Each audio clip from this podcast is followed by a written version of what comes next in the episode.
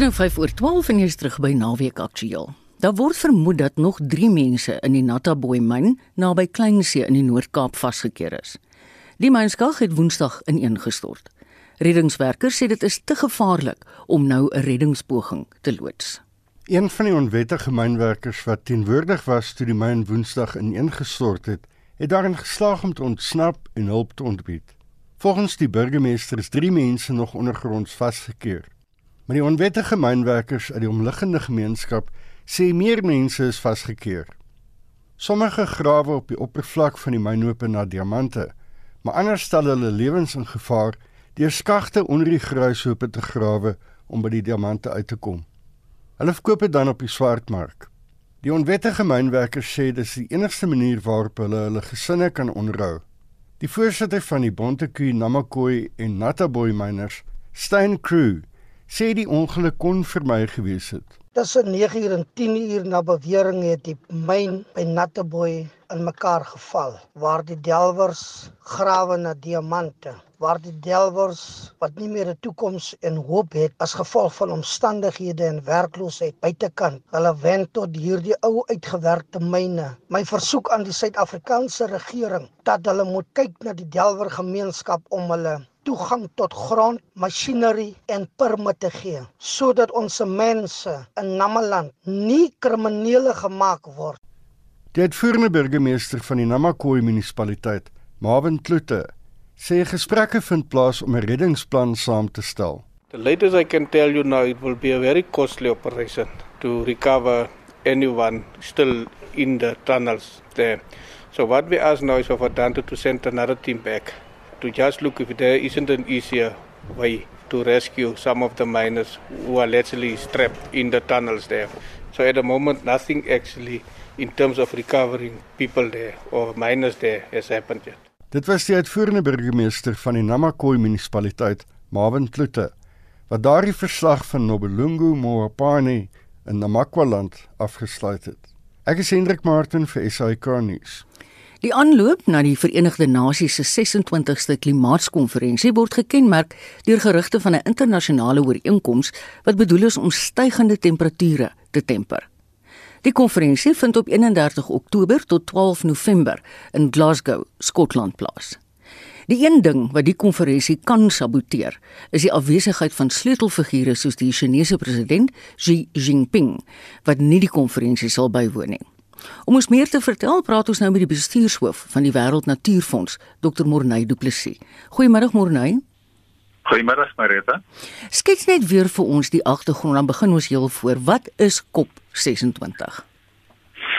Ja, kyk hierdie hierdie kop uh staan dis 'n COP staan vir a conference of parties. Dit beteken dat al die ehm um, regerings, al die ehm um, state van dwars oor die wêreld kom bymekaar om oor klimaatsverandering te praat en COP 26 natuurlik is die 26ste vergadering van COP.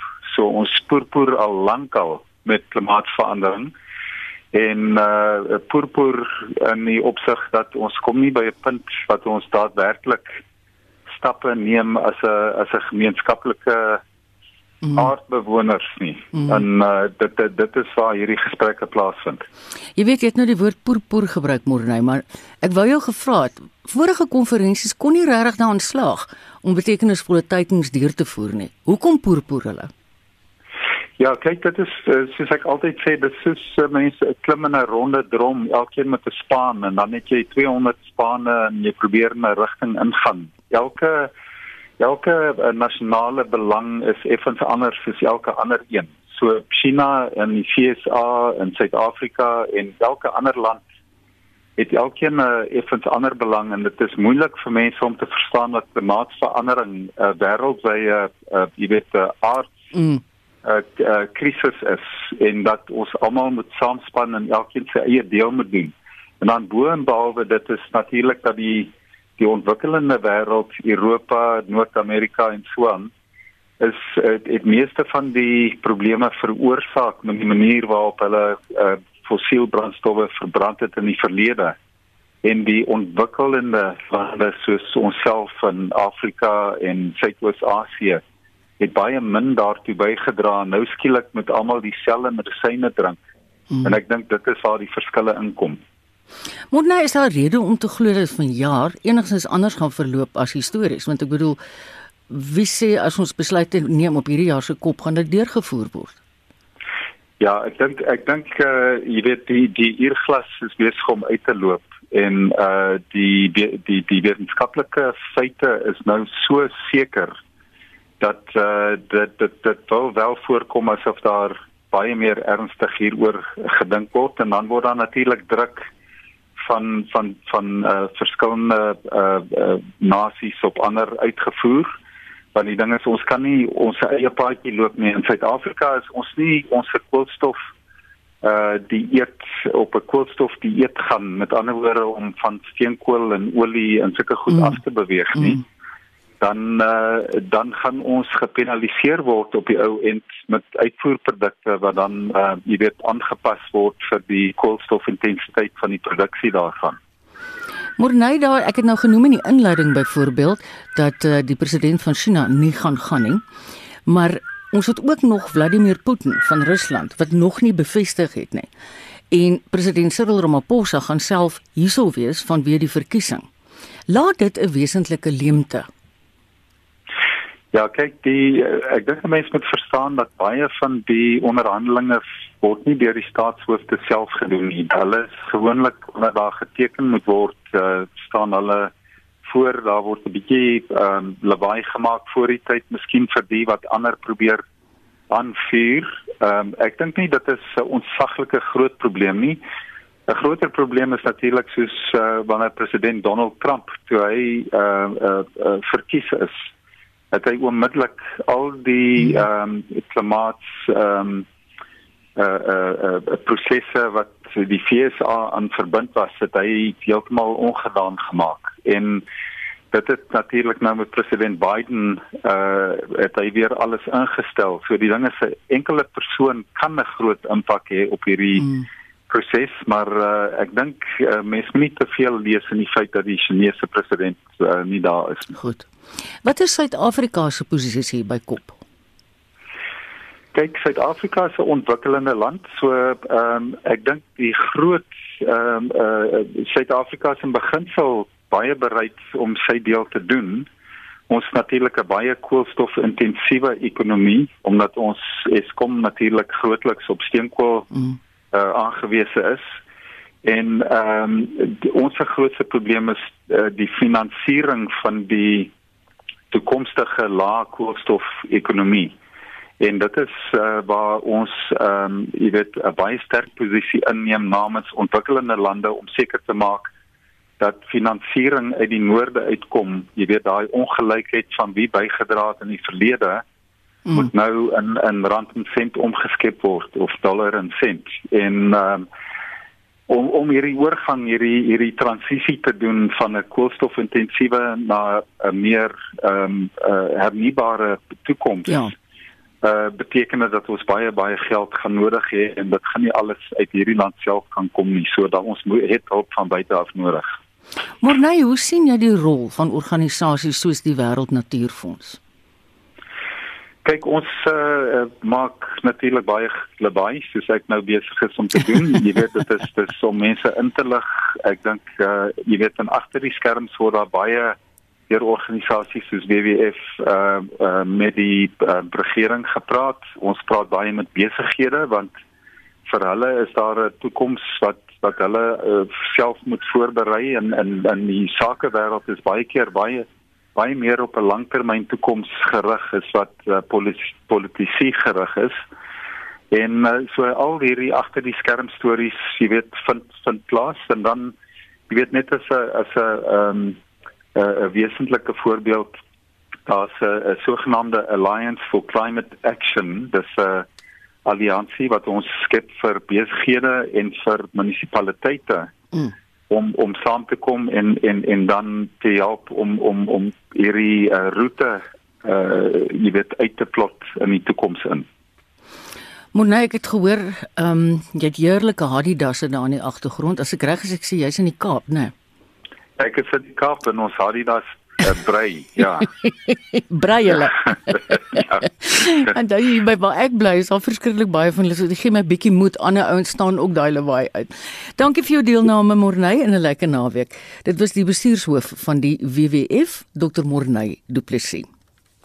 Kinders tussen 12 en 17 sal net die eerste dosis Pfizer-enstof ontvang terwyl verdere navorsing oor die veiligheid van die enstof vir die ouderdomsgroep gedoen word. In sommige gevalle waar kinders die tweede dosis van die enstof elders in die wêreld gekry het, het enkele seuns ontsteking van die hartspier opgedoen. Die minister van gesondheid, Dr. Joe Pagla, het dit tydens 'n virtuele media sessie bekend gemaak. Mitsie van der Merwe berig. Suid-Afrika begin op 20 Oktober om kinders van 12 tot 17 reg oor die land met die Pfizer en stof in te ent. Paula sê baie kinders het permanent teruggekeer skool toe en dat die eindeksamens binnekort sal begin. I'm happy to also to announce that we have reached the stage where we are ready to open up vaccination for children between the ages of 12 and 17. This is the secondary school cohort. This follows a recommendation which we received from our Ministerial Advisory Committee on Vaccination. This service will start on the 20th of October to allow the necessary preparation. We believe that this will come handy as schools start their examinations, and some of them are already advanced towards concluding their academic year. The first vaccine, which has been approved by SAPRA for this age group, will be used. Volgens Pala sal die tweede dosis nie toegedien word nie totdat meer data oor die moontlike neeweffekte vir kinders beskikbaar is. Information which suggests that in few cases all over the world there has been some short-lived cases of transient myocarditis after the second dose. Uh, this rare finding of uh, this adverse effect is a, a slight inflammation on the heart muscle which has been noticed in a few cases, uh, at this stage, there's been no indication that the first dose has any serious side effects. So it will be just one dose while the studies are continued uh, which we believe that will still offer significant protection. And once more information comes, then we can space the second dose for the young people. Die nasionale departement van gesondheid saam met die Suid-Afrikaanse Mediese Navorsingsraad werk aan nog 'n inspuiting om gesondheidswerkers in die voorste linies ekstra beskerming te gee. Die meeste gesondheidswerkers het hulle enstof vroeër vanjaar as deel van die Sisonke program ontvang. Paula sê bykomende dosisse behoort ook aan mense met swak immuunstelsels gegee te word various health workers on the front line that they should be considered for booster doses due to the high risk of their work. The request is receiving attention and we are working with the South African Medical Research Council. MRC has already applied to SAPRA for uh, permission to consider a J&J booster. Die waarnemende direkteur-generaal van die departement van gesondheid, Dr. Nicholas Crisp, sê volgens die kinderwet is ouers se toestemming nie vir inenting van kinders tussen 12 en 17 nodig nie. Suid-Afrika het sowat 6 miljoen kinders in die groep.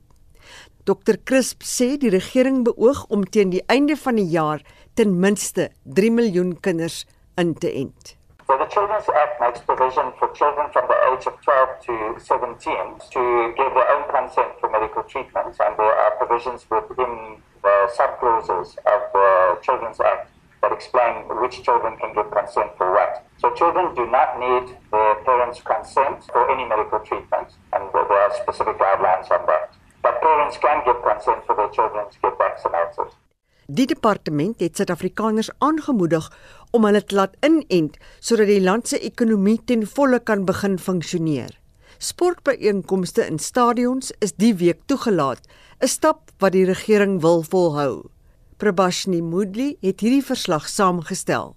Mitsi van der Merwe, SAK-nuus. Die voormalige president Jacob Zuma het donderdag in 'n virtuele toespraak aan ondersteuners die regbank weer eens gekritiseer en gesê hy is onregverdig behandel in die saak oor minagting van die hof. Hy het 15 maande tronkstraf gekry. Die Jacob Zuma Stichting het in September aangedui dat hy die saak na die Afrika Hof vir Mense en Volksregte gaan neem. Ons praat nou met professor Henny Strydom, 'n dosent in internasionale reg aan die Universiteit van Johannesburg. Goeiemôre Henny. Ja, goeiemôre. Wat is die Afrika Hof? Van die Afrika Hof uh, is al wat ingestel is. Ons praat nou spesifiek van die Afrika Hof vir Menseregte. Mhm. Mm uh in volkere so die hof is ingestel om die Afrika Kommissie uh te versterk. Uh want die Afrika Kommissie het geen binnende besluitnemingsbevoegdheid gehad nie en die hof is ingestel om daardie aspek aan te spreek. So die uh die hof wat ons nou praat uh oordeel sake wat val binne die uh, die Afrika Handves vir menseregte vir menseregte en en volkereregte. Uh as ook uh, enige ander mensereg aangeleentheid wat in terme van ander verdrae te sprake kom en wat deur die lidstate van die Afrika uh, Unie onderteken is. Dink jy hierdie hof het jurisdiksie oor hierdie saak van Zuma.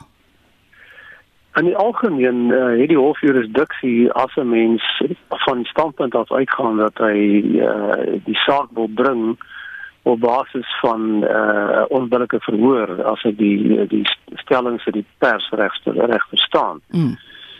Uh maar hy sit met 'n probleem met die betrokke geval want uh daar is 'n bepaling in die hof se protokol wat bepaal dat uh alvorens 'n persoon uh 'n individu wat ek nou van praat, die hof direk kan nader moes die staat uh, van daardie individu 'n verklaring te dien effekte gemaak het. En Suid-Afrika het nie so 'n verklaring onderteken nie. So daar is nie 'n direkte toegang uh, mm. vir uh, president Zuma tot die hof nie. Wat hy wel sou moet doen is om sy klagte te bring voor die Afrika Kommissie vir Menseregte. Mm. Die kommissie kan dan die saak na die hof neem. Uh, en uh, ek dink dit is die kritieke punt uh, wat ter sprake is in hierdie hele saak uh as 'n mens uh die huidige verklaringe van die van die stigting uh in onskou neem.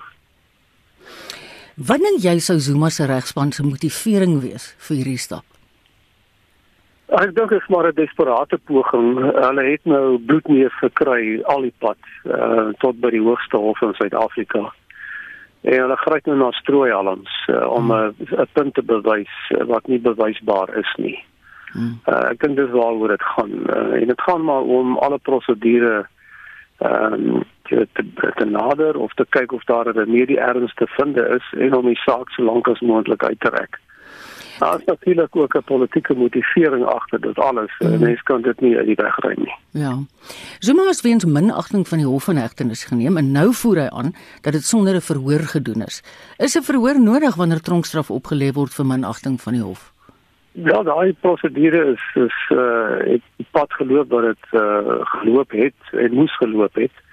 Uh 'n mens kan natuurlik ook uh jy kritiek uitspreek oor die uh oor die vraag of uh die saak uh, wat uh, uh regter uh, sonde voor die hof gebring het voor die grondwet of die regte pad was. Maar ek is van oordeel dat daar uh, daar min uh, gronde is vir Sumal hierdie punt wat jy nou vermeld het, mm. vermeld het sukses te behaal. Uh, en ek dit kan nie sien dat daar enigsins 'n oortuigende saak uitgemaak kan word uh, voor die Hof vir Menseregte, die Afrika Hof, mm. om daardie punt verder te voer nie. En nie sou die skuldbevinding in 15 maande tronkstraf enige uitwerking hê op die ander aanklagtes van onder meer korrupsie wat Zuma aan die gesig staar. Nee, glad nie. Dit hierdie is 'n saak wat staan op eie bene en dit gaan oor sy wanverskyning voor die kommissie so dit mm. raak glad nie die ander sake nie uh en, en daardie sake moet nou maar die die loop neem wat dit moet wat dit moet neem.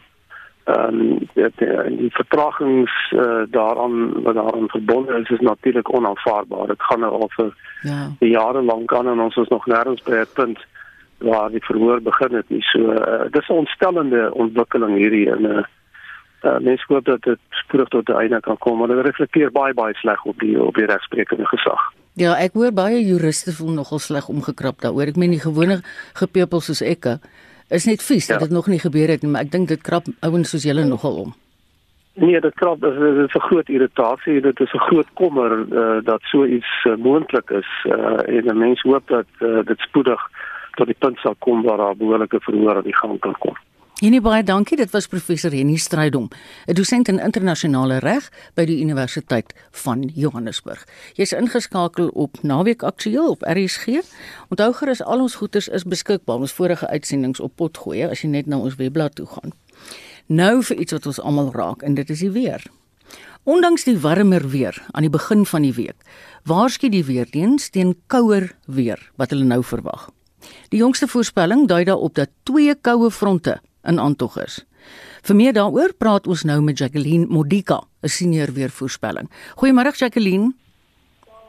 Goeiemiddag en goeiemiddag aan die luisteraars. Jacqueline, wat is die jongste weervoorspelling dan nou? Dan is dit 'n koue front wat suid van die land af gaan beweeg en dit gaan nou koue weer of koue lug in die Kaap provinsies instuur, dis nou die Weskaap en ook die Ooskaap en daar is alreeds um, reën en buie wat tans plaasvind langs hierdie kusgebiede en ook in die binneland. En dan is dit nou gepaard met 'n boeligtoggie wat oor die wes van die land um gesit uh, is en dit het nou um vroeg vanoggend ook 'n paar enkele donderbye en storms oor die sentrale gedeelte van die land um uh, ontwikkel.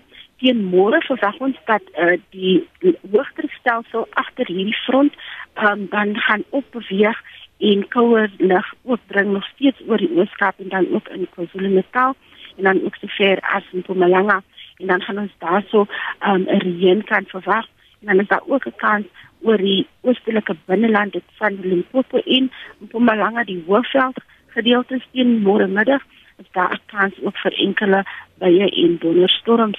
Um, maar ek dink die stelsel ontwikkel eers beter later in die week hierso teen donderdag waar ons 'n uh, goed ontwikkelde bolig terug oor die wes van die land het en dit ehm um, die modelle gee 'n indikasie dat hierdie bolig terug dalk in 'n afsnylaag gaan ontwikkel. En as dit gebeur verwag ons verspreide tot wyd verspreide donderstorms oor sentrale uh, provinsies. Is nou gedeeltes van die Noord-Kaap, die Vrystaat, die Noordwes provinsie, um groot gedeele van die Oos-Kaap, KwaZulu-Natal en dan ook um vir Gauteng en dit is nou die die die stelsel wat ons sal verwag teen donderdag en vrydag. So met almal hierdie weer en al die reën wat inkom, gaan dit heeltemal um 'n uh, 'n meer bewolkte, gedeeltelik bewolkte tot bewolkte toestande um oor groot dele van die land wees hierdie week en dit is wat sal bydra na die koeler temperature wat ons dan gedurende hierdie week aan um, landwyd gaan gaan gaan ondervind. Jacqueline, weet jy, jy het nou pertinent die woord Noord-Kaap en Oos-Kaap gebruik. Mense is so bly om dit te hoor want daar is van hulle wat so swaar kry omdat dit die droogte net aanhou. Ja, dit was baie warm en baie droog. So ek dink die stelsel wat ons verwag later in die week, mm. dis mos vir um, dat iewers tussen uh, donderdag Vrydag gaan ontwikkel. Dis 'n stelsel wat groot genoeg of intens genoeg is ja. wat dan sal kan reën bring oor die Noord-Kaap die sent uh, die die Vrystaat as ook um die hele van die Noordwes provinsie en dit is nou die provinsies waar ek dink reën regtig baie nodig is op hierdie oomblik. Jy was nou vandag die bringer van goeie nuus. Jy praat van gerugte van reën. Baie dankie. Dit was Jacqueline Modika, 'n senior weervoorspelling van die Suid-Afrikaanse Weerdienste. Die regering het die gijslaarsdrama by 'n hotel in Irene, Pretoria, sterk veroordeel. Die minister van verdediging, Tandi Modise, en ander regeringsamptenare is glo teen hulle sin deur voormalige militêre veterane tydens 'n vergadering aangehou. Die polisie het uiteindelik die situasie ontlont. Vincent Mofokeng berig. Modise, Haratjank Makwetla, Kongubele en regeringsamptenare het met lede van die MKMVA, Liberation Struggle War Veterans die Azanian People's Liberation Army en die Azanian National Liberation Army vergader. Die gegriefde groep is bekommerd oor sommige van hul voordele. Dinge het agter skeef geloop en die twee ministers en adjunk is na bewering 'n paar uur lank gijslaar gehou. Modise sê die regering sal nie die skending van ander se regte duld nie. We did everything we could and we will still go out to do everything we can. What we will not tolerate is deliberate acts of disregarding the rights of others because that is criminal. And when the police came in there, they were not dealing with anything else but the violation of other people's rights. Modise het die veiligheidsmaatreëls van die regering verdedig en gesê dat dit nie slap is nie. Sy sê dat dit eintlik 'n goeie ding is dat die land nie met swaar veiligheidsmaatreëls behep is nie. I don't think so. I think South Africa is being put to a test. I think thus far we must be proud that even though police came in to break up the hostage situation, So far, we have been able to hold it very, very tightly. For the state not to go overboard in the use of force, for the state to listen more than it uses force. And I think that is a plus for the democracy of South Africa. 56 militêre veterane is weens die beweerde gijslaarsdrama in hegtenis geneem. Modise sê dat hulle nie die aanklagte sal laat vaar nie en ook nie by die saak sal inmeng nie. Die minister in die presidentskap, Mondli Gongubele, het die militêre veterane wie se verifikasie uitstaande is, vertel om die span wat daarmee werk te kontak. A total number of processed applications as at September 2021 stand at 2152. The process of verification has not been without challenges, as a significant number of applicants have not presented themselves for verification. The contact information they have left with the verification team has not enabled the Secretariat to contact them. Ondanks hierdie sê die regering die onderhandelinge met die militêre veterane sal voortduur, hoewel die gesprekke moeilik was en dat daar geen rede vir die militêre veterane om onwettig op te tree nie. Die verslag van Lulama Macha. Akas Vincent Mufokeng vir SAI Garnis. Die Suid-Afrikaanse Legioen in Kaapstad vier die naweek sy 100ste bestaanjaar. Die adjunk burgemeester van Kaapstad, Ian Nielsen, het die verrigtinge geopen en dit sal môre met 'n gedenkdiens afgesluit word. Die president van die Suid-Afrikaanse Legioen, Brian Klopper, beskryf die organisasie. Die Suid-Afrikaanse Legioen is 'n veteranebond. Ons is spesifiek daarop toegespits om veterane wat sukkel finansiëel behulpsaam te wees. Elke jaar is ons gemoeid in die sogenaamde Poppy Appeal. En ons samel fondse in en daardie fondse word gebruik om veterane wat uh, armoedig is en onder moeilike omstandighede uh, leef te help. Watter veterane is deel van julle organisasie? Wel kyk, enige iemand wat diens gedoen het in die Tweede Wêreldoorlog of gedurende die Koreaanse oorlog of die Grensoorlog, dien of tel as 'n veteraan. Selfs die uh, veterane van MK, Nkontowesizwe in Apla en Azanla tel as veterane en as as hulle ons hulp benodig en ons hulp aanvra, dan doen ons ons bes om hulle te help. Hmm. Julle geskiedenis gaan terug na 1921. Wat Dis reg. Die BESL, die British Empire Services League, is toe in Kaapstad ingehuldig. Die lande wat deel daarvan gemaak het, is Groot-Brittanje, Kanada, Australië, Nieu-Seeland en natuurlik die Unie van Suid-Afrika. En generaal Smith, die toe eerste minister van die Unie, was teenwoordig. Hy was een van die oorspronklike stigters van die BESL wat later in die 30er jare die South African Legion of the British Empire Commonwealth League geword het.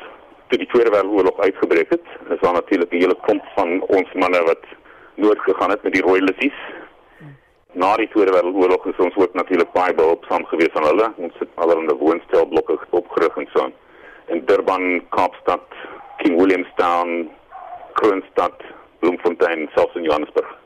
Hoe het julle aangepas by die omstandighede wat geskep is nadat die nasionaliste oorgeneem het in 48? Well, with some difficulties, ek sê. Hulle beleid was natuurlik die apartheid en hulle het eintlik vir die die swart en kleerling veterane baie stief behandel en die legioen het sterk kapsie gemaak het, ja. En ons het dit bes gedoen om hulle behulpsaam te wees. Binne die wet natuurlik. We had to abide by it. Wat het julle gedoen om breinmense te help toe die nasionaliste hulle van die kieserslys afgehaal het? Daar was baie min wat ons vir hulle kon doen na die omstandighede, maar as hulle wel veterane was, het ons ons bes gedoen om hulle behulpsaam te wees in terme van finansiële hulp. Wat natuurlik uit die poppy appeal gespring het. Jy het nou al klaar vir my gesê dat jy die wit soldate wat aan die grensoorloë deelgeneem het ook ingesluit het. En nie alleenlik die wit soldate nie, die kleerling en swart soldate ook. Ja, dis wat ek nou oor wou praat. Brei bietjie uit daaroor. Hulle is natuurlik ook deel van die oorspronklike Suid-Afrikaanse weermag en hulle kan natuurlik aansluit by die legioen, maar al is hulle nie legionariste nie, is ons hulle nog steeds behulpsaam as hulle ons nader vir hulp, finansiële hulp gewoonlik. Soms vra gedurende hierdie hele COVID-19 besigheid het hulle vir ons benader om te help met klein nuusware en al die tipe ding. En uh dit val onder wat ons casual relief noem. En ons het um, ons bes gedoen om dat op staan vir veral die Kaapstad tak van die legioen. Het baie baie goeie werk gedoen vir uh kleerlingveterane van die OSAW. Gedien die afsluiting, lockdown. So sê Brian Klopper, die president van die Suid-Afrikaanse Legioen en hy het gepraat met Mitsi van der Merwe.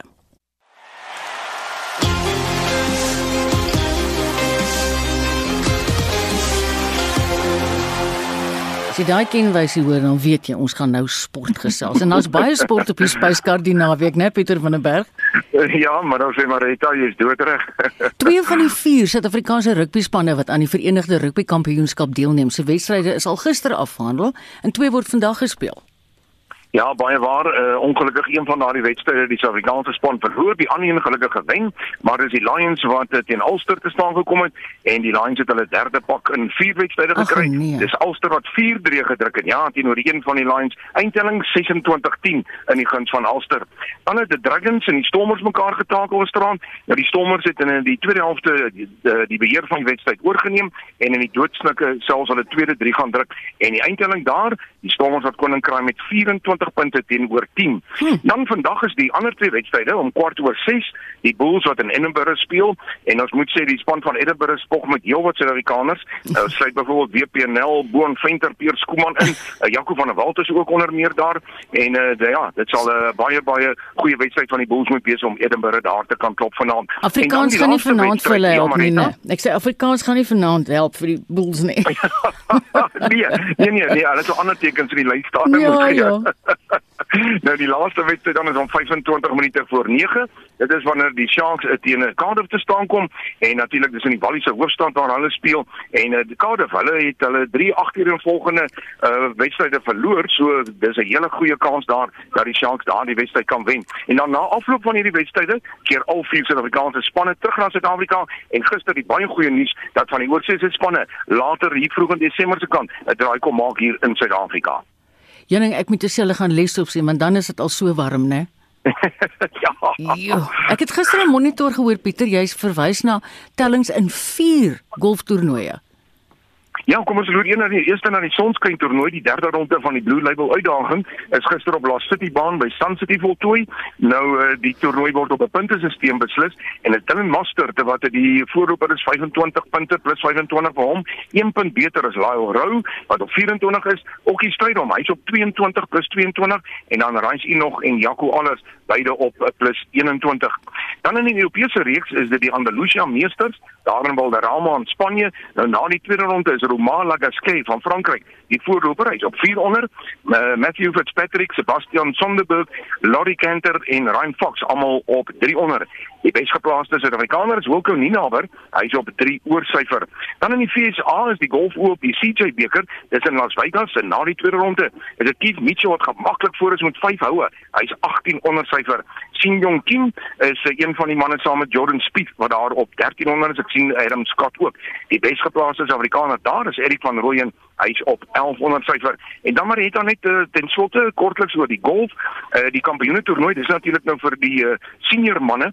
Dit is die SAS kampioenskap in New York. En daarna die eerste ronde is Scott Terrell die voorloper op 700 met Suid-Afrika se Retief Goosen in die gesamentlike 6de plek. Hy's op 400 syfer just like Die Indiese Premier Cricket Liga, die ene met die groot geld, het gister ten einde geloop met die eindstryd wat in Dubai afgehandel is. Wie is toe uiteindelik die kampioene? Ja, die Chennai Super Kings het hulle vierde IPL titel gewen ja. van Du Plessis. Hy was die groot ster gewees daar, 86 lopies gemoker van net 59 balle en hulle het 192 vir 3 aangeteken. Dis nou die Chennai Super Kings in hulle 20 balbeurte en die Kolkata Knight Riders, hulle kon net antwoord met 165 vir 9 en met die bal het 'n uh, uh, Shardur Takir die meeste paadjies ingehoes. Hy het 3 paadjies vir 38 plat getrek. Die Chennai Super Kings wen dan daar met 27 lopies. En dan moet ons natuurlik nou ons fokus geskuif na die T20 Wêreldbeker. Dit begin môre in die Verenigde Arabiese Emirate. Oman speel om 12:00 teen Papua Nieu-Guinea en Bangladesh kom teen Skotland te staan. Dis uh, môre middag om 4:00 en Suid-Afrika se eerste wedstryd uh, Marita is aanstaande week, dis die 23ste Oktober teen Australië. En uh, RSG sal dan van môre af gereelde verslae oor die T20 Cricket Wêreldbeker uitsaai. O, dit sal baie baie lekker wees. Op die tennisbaan loop die Paribas Ope op Indian Wells môre ten einde. Wat is die jongste uitslae vir mans en vrouens se enkelspel? Ja, kom ons loer na die mans enkelspel Grigor Dimitrov hy het in 'n drie stel afgereken met Hubert Hukes en dan het Cameron Norrie in die ander kwartfinale met Diego Swartsman klaar gespeel en die laaste twee kwartfinale wedstryde is gisterand Suid-Afrikaanse tyd voltooi. Nicolas Basilashvili, hy het verras deur die tweede gekeerde Stefanos Tsitsipas hmm. in drie stelle te klop en dan die derde gekeerde Alexander Zverev. Hy is ook uitgeskakel in drie stelle en die wenner daar was Taylor Fritz. En in die vroue halffinale Paula Badoza sy het vir ons Jabeur in skoonstel het 6-3 en 6-3 geklop en sy sal dan môre in die eindstryd teen die tweemaal voormalige wenner Victoria Azarenka te staan kom. Azarenka het vir Elena Ostapenko met 3-6, 6-3 en 7-5 geklop. Daar's verskeie groot kanonne vandag op die sokkerveld in aksie. Jy het genoem dat daar gisterand alle wedstryde of wat gespeel is, né Pieter? Ja, dis waar maar net daar die Engelse kampioenskap is daar een wedstryd gewees. West Brom het vir Birmingham met 1-0 getroof. Vandag uh, ja, julle rits wedstryd in die Engelse Premier League, maar die vier grootes is Watford teen Liverpool om 0:30 en dan Leicester City teen Man United, dit is om 4:00, ook om 4:00 Man City teen Burnley en dan Chelsea wat nommer 1 op die punteleer is, hulle speel om 0:30 teen Brentford. En in die DStv Premier League is dit Sekhukhune United vanmiddag om 0:30 teen Cape Town City en Ian Morris, hy sal gereeld verslag doen oor daardie wedstryd. SuperSport United speel bietjie later teen Baroka en Kaizer Chiefs teen Chippa United. En Marita, ek wil dan net afsluit met die uh, netbal nuus. Ja. Uh, Suid-Afrikaanse ja, vir uh, die vroue Protea span, hulle speel vir die eerste keer in uh, meer as 'n jaar in die buiteland en hulle sal vanmiddag daar teen Ierland speel. Uh, ek sien die afrigter Doret Badenhorst het vier nuwelinge in haar groep van ah. 15 spelers ingesluit en dit sluit onder meer Dotomelo Mayakolo in, Jessica Du Plessis, Rafaelo Nketsa en Elmarie van der Berg. En vanmiddag van 3 uur af tot 6 uur sal Jody Hendriks dan agter die sportmikrofoon wees om ons al die jongste uitslae te gee. Ek gaan beslis ingeskakel bly want ek moet sê ek is so bly vir die netbal Frans dat hulle nou weer 'n slag kan speel. Maar jy gaan sekerlik maandagooggend 'n monitor opsomming gee, né? Ons sal maandagooggend 'n monitor sal ons dan verslag doen oor alles en ek begin dan ook môre met die cricket wêreldbeker ja. die T20 en ons sal so elke uh, wedstryd so vier verslae doen van uh, die wedstryd tot Suid-Afrika begin speel dan baie meer volledig. O, lekker. Baie dankie Pieter. Dit was Pieter van der Berg. Hy is ons sportmedewerker. En ons amper sê ons weeklikse motorrubriek in in die verkeerde volgorde. In ons weeklikse motorrubriek toets Wessel Pretorius 'n Volvo.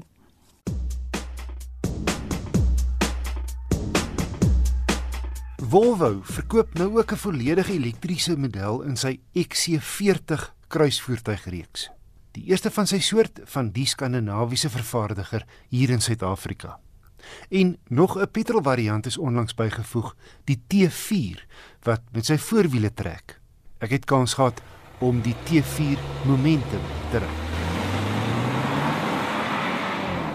Dis die middelmodel in die petrolreeks, die T3 kom met 'n 1.5 turbo, die T4 met 'n 2 liter turbo en die T5 ook met 'n 2 liter turbo maar met meer krag.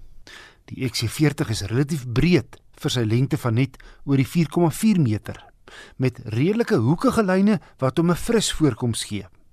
Voorlangs reg op sierrooster en die nou bekende Tor se hamerdagryligte. En groot boomerang tipe LED sterkligte wat teen die seepilare afloop en na buite swiep. Die meeste Volvo's kom in drie afwerkings: Momentum, Elixir, Inscription en die top R-design. En hoewel Momentum die goedkoopste afwerking behels, is dit alles behalwe basies. Die XC40 is binne baie netjies afgerond. Die groot sentrale skerm is maklik om te gebruik en die aanraak spyskaarte werk goed. Ruimte is volop. Hy vat maklik twee langerige volwassenes agter of drie kinders. En die bagasiebak is heel ruim. Die netjiese tablettipe sentrale skerm bied jou navigasie, jou klank, foon en voertuiginligting asook die klimaatbeheer. Ander kenmerke op hierdie goedkoopste momentum afwerking sluit in togbeheer, twee USB sokke voor en een agter, outomatiese lig en reënveers, xenon hoofligte, 'n banddrukmonitor, 'n baanhou-funksie en padtekeninligting in die paneelbord wat jou byvoorbeeld die spoedgrens gee en selfs waarsku waar spoedkameras staan.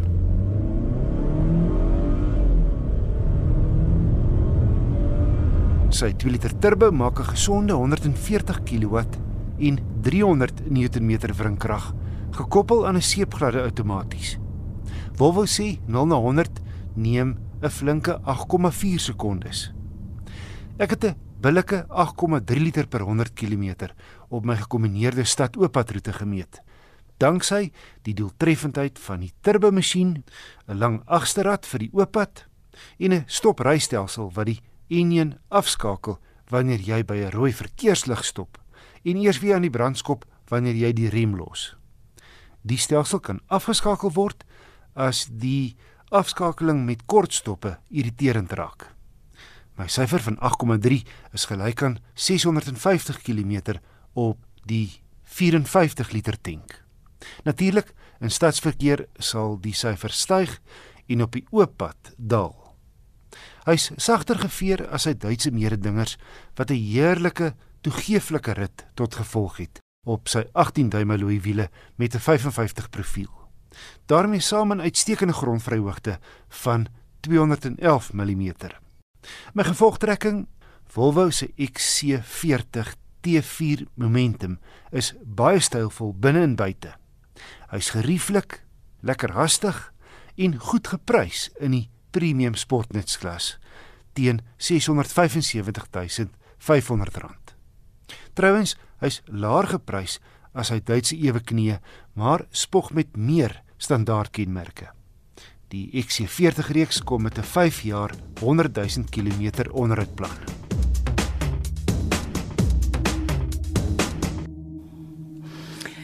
Die Verenigde Nasies se voedselprogram beraam dat sowat 800 miljoen mense wêreldwyd elke aand honger gaan slaap. En dis om hierdie rede dat die VN elke jaar op 16 Oktober Wêreldvoedseldag herdenk. Ons praat nou met die dekaan van die fakulteit Agriwetenskap by die Universiteit Stellenbosch, professor Dani Brink. Goeiemôre Dani.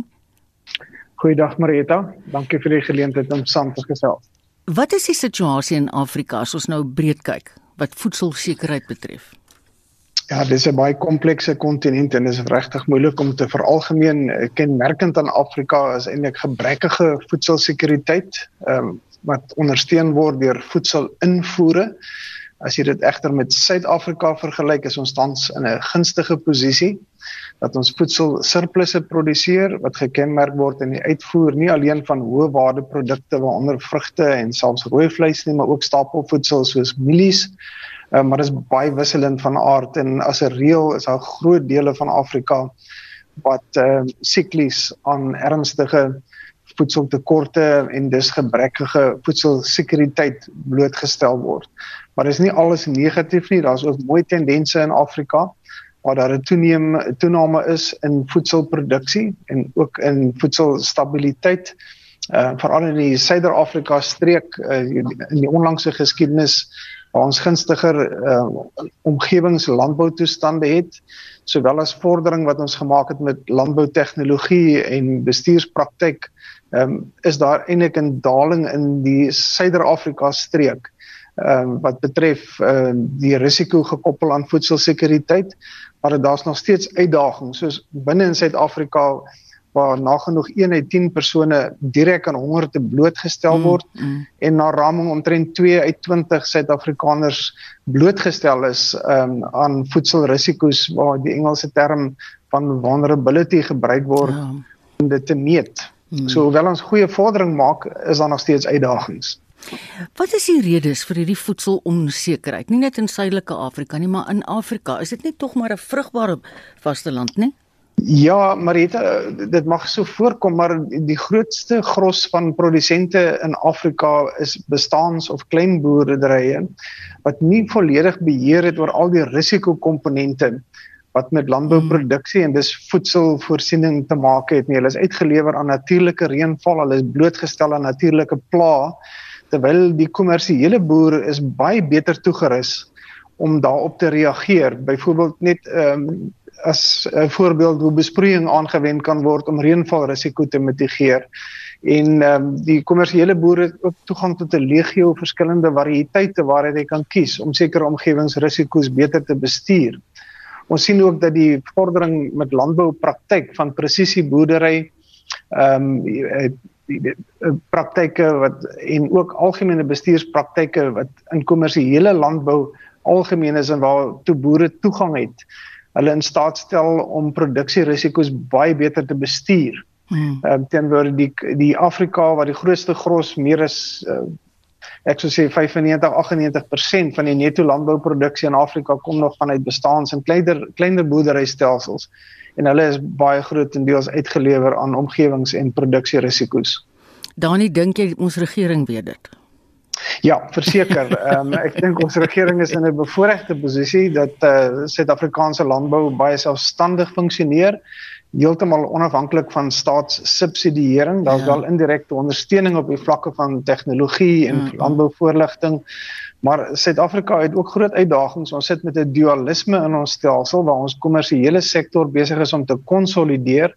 Ons produksieeenhede word al hoe groter, al hoe meer doeltreffend maar daar is ook 'n uh, eh, in ons ekonomie 'n uh, groot hoeveelheid klein boere ehm um, vasgevang ehm um, wat onder ernstige druk verkeer wat mm. nie die voordele het van ekonomie van skaal nie wat nie altyd toegang het tot die gevorderde tegnologie nie. So in ons stelsel het ons hierdie eie soortige dualisme van kommersiële sukses maar ook ehm um, sosio-ekonomiese uitdagings veral ja. op die vlak van klein boere om doeltreffendheid en mededingendheid te verbeter. Hoe kan 'n mens hierdie situasie verbeter? Mens dink nou aan woorde wat baie gebruik word soos monokultuur, wisselbou, GM gewasse en dan natuurlik die absolute gonswoord grondhervorming.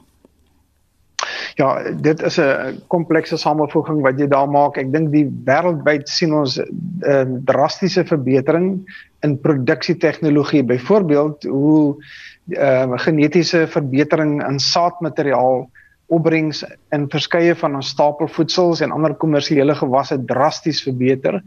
Hoe die die inkomste van die ehm um, presisie boerdery en data gedrewe besluitneming eh, toegang tot hoë vlak tegnologie ons boere al hoe meer doeltreffend maak. Maar ons het ook die verskynsel in ons kommersiële landbou dat ons insetkoste ja baie vinniger toeneem hmm. as wat ons byvoorbeeld groei in prys en winsgewendheid kry. So ja. selfs ons groot produs uh, jy weet ehm um, sektore is tans in 'n ernstige knyptang waar insetkoste vinniger styg as wat die kommoditeitspryse daarvoor ja. kompenseer. Hmm.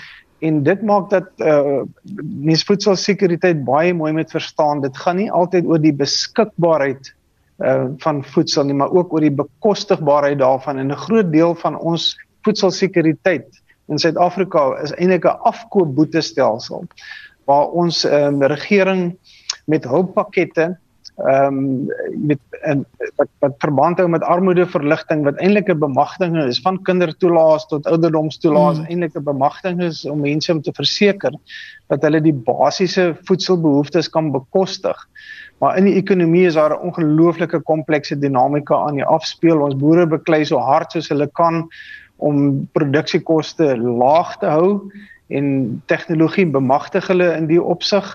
Ehm um, terselfdertyd trek, trek baie verbruikers nou strop om aan die bekostigbaarheid kan toegang vir altyd gebalanseerde mm. ehm mm. um, jy weet voedselprogramme mm. te verseker en nie net altyd kos in die maag te sit nie maar waar dit wel voldoen aan die vereistes van 'n gebalanseerde dieet. So ek dink ons het nog 'n lang opdraande stryd om almal in die land ehm um, billike bekostigbare toegang tot 'n gebalanseerde dieet te gee. Terselfdertyd is landbou sektor 'n belangrike drywer in die verskaffer van arbeid en arbeid indirek ja. maak ook 'n groot bydrae tot voedselsekuriteit. Ek het in die week in die media gelees daar word gesê dat redelik baie kos wat se datum verstryk het, weggegooi word. Is dit ja. so? Weet jy dis 'n bietjie 'n oordrewe stelling dat wat dikwels syfers aangehaal word soos 30% plus van voedsel mm. wat verlore gaan. Ehm um, Suid-Afrika het 'n ongelooflike effektiewe eh, landboubemarkingstelsel waar ons hoër waarde en hoë gehalte produkte dikwels effektief deur die kleinhandelsektor versprei word en van ons laer gehalte produkte baie effektief deur ons informele marksektor opgeneem en versprei word. So mense moenie net altyd gryp na internetstatistiek. Ja. Ons het 'n baie doeltreffende landbouverspreiding en voedselverspreidingsstelsel en dit is ook mooi om te sien hoe daar aan die kant van die verwerkte voedsel wat wat wel gekenmerk word aan 'n uh, sogenaamde uh, vervaldatum. Ja. Daar ook ongelooflike inisiatiewe aan die dag gelê word om daardie uh, voedsel ehm um, komponente weer terug te plaas ja. in omloop. Ja. Uh, soms kosteloos, soms is daar afskrywings aan die aan die aan die ekonomiese front, maar aan die sosiale front baie innoverende praktyke wat juis die week oor vir verskeie radiostasies gerapporteer is. Mm, mm van eh, van mense wat op innoverende wyse daai ja. voedselkomponente op 'n veilige manier terugsit. Wat wonderlik is, né? Ja. Ja.